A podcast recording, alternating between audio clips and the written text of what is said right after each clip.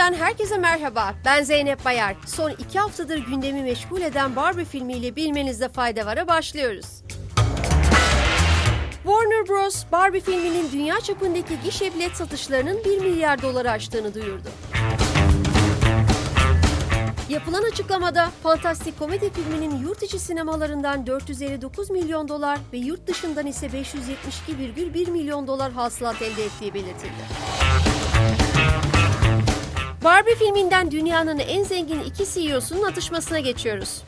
Eski adı Twitter olan X sosyal medya platformunun sahibi Elon Musk, Meta CEO'su Mark Zuckerberg ile yapacakları kafes dövüşünü X platformu üzerinden canlı yayınlayacaklarını ve gelirini Gaziler Derneği'ne bağışlayacaklarını açıkladı. Musk Zuckerberg'e Threads adı verilen Twitter alternatifi bir platform kuracağı yönündeki haberlerin ardından dövüş için meydan okumuştu. Zuckerberg de 22 Haziran'da sosyal medyada yaptığı paylaşımda kafes dövüşü için teklifini kabul ettiğini duyurmuştu. Sırada TikTok'tan bir haberimiz var.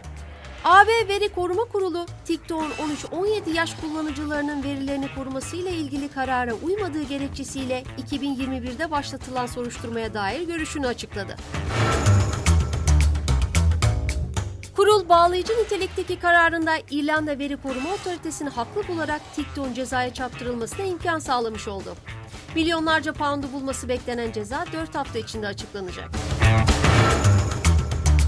Çin çocukların akıllı telefon kullanımına kısıtlama getirmeye hazırlanıyor. Gelin haberin detaylarını birlikte inceleyelim. Siber Uzay İdaresi'nin hazırladığı tasarı kamuoyunun görüşüne açıldı. Tasarı 16 ila 18 yaşlarındaki çocukların günde 2 saat, 16 yaşın altındakilerin ise sadece 1 saat telefon kullanabilmesini öngörüyor. Öte yandan 8 yaş altındakiler için öngörülen süre sadece 8 dakika olacak. Saat 22'den sabah 6'ya kadar çocukların internete erişimi kapatılacak. Telefon ve uygulama üreticilerinin yeni düzenlemeler için çocuk kodunu hizmete alması gerekecek. Son haberimiz küresel ısınmaya ilişkin. Avrupa Birliği Komisyonu'nun kriz yönetiminden sorumlu üyesi Lanaz Lenarcic, Avrupa'da birçok ülkenin bir yandan sel, diğer yandan yüksek sıcaklarla ilgili alarm durumunda olduğunu duyurdu.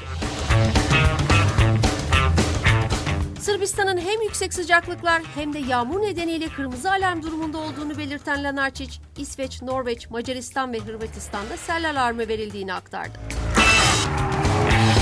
Diğer taraftan Lanarcic, Bulgaristan, Yunanistan, İspanya, İtalya, Fransa ve Türkiye'de ise orman yangını tehlikesinin bulunduğunu vurguladı. Bugünlük bu kadar. Yarın tekrar görüşmek üzere. Hoşçakalın.